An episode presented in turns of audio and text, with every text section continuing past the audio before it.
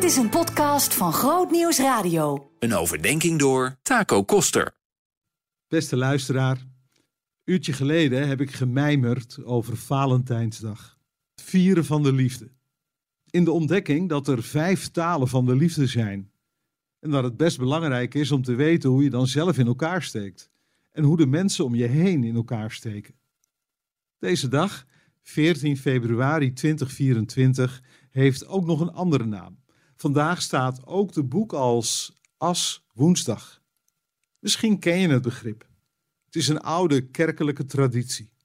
Na het vieren van het carnaval start een periode van 40 dagen vasten, op weg naar het paasfeest. En die 40 dagen starten op As Woensdag. En dat was dan vooral een dag die in het teken stond van berouw en boete. En ook het besef dat je als mens kwetsbaar en vergankelijk bent.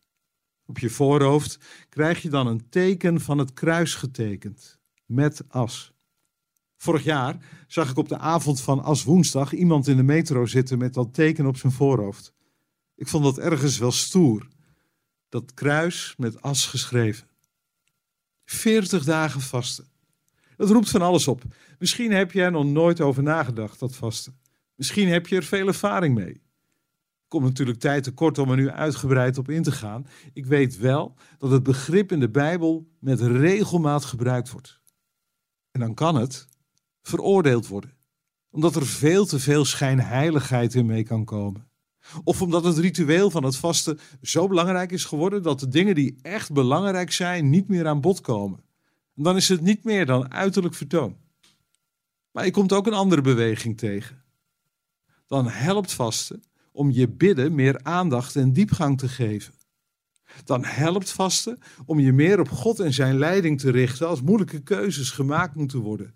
En dan helpt vasten om je eigen ego minder aandacht te geven. En daar knap je als mens meestal enorm van op. Dus het is het overwegen waard om hier eens bij stil te staan, om er eens mee te gaan oefenen.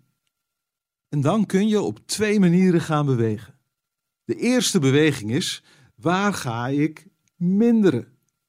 Zodat ik meer focus aan God en anderen kan geven. Je kunt minder eten, een maaltijd overslaan, alle zoetigheid links laten liggen, geen alcohol meer drinken. Je kunt ook denken aan het uitschakelen van je Netflix-account, je telefoon minder tijd en aandacht geven. En zo zijn er vast veel meer mogelijkheden. De tweede beweging is: waar ga ik meerderen zodat ik meer focus aan God en anderen kan geven. Je kunt meer tijd besteden aan het lezen van de Bijbel. Je kunt bewust de stilte opzoeken om Gods stem te ontdekken. Of je kunt in deze weken meer tijd besteden aan mensen die wel wat support kunnen gebruiken.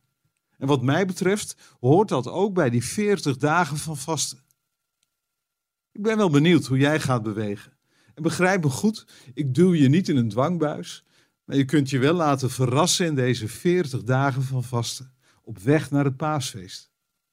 Weet je wat trouwens grappig is? Als je vanaf vandaag zou tellen tot Pasen, dan kom je uit op 46 dagen. Pasen valt op 31 maart dit jaar. Hoe kan dat? 40, 46? In die telling hoef je dus de zondag niet mee te tellen. De zes komende zondagen horen niet bij die periode van vasten. Waarom dat is? Iedere zondag vier je feest. Het feest van de opstanding van Jezus. Dan hoef je niet te vasten. We volgen Hem op zijn lijdensweg. Meer en meer in deze weken. Maar we weten en we geloven. Hij is de levende Heer.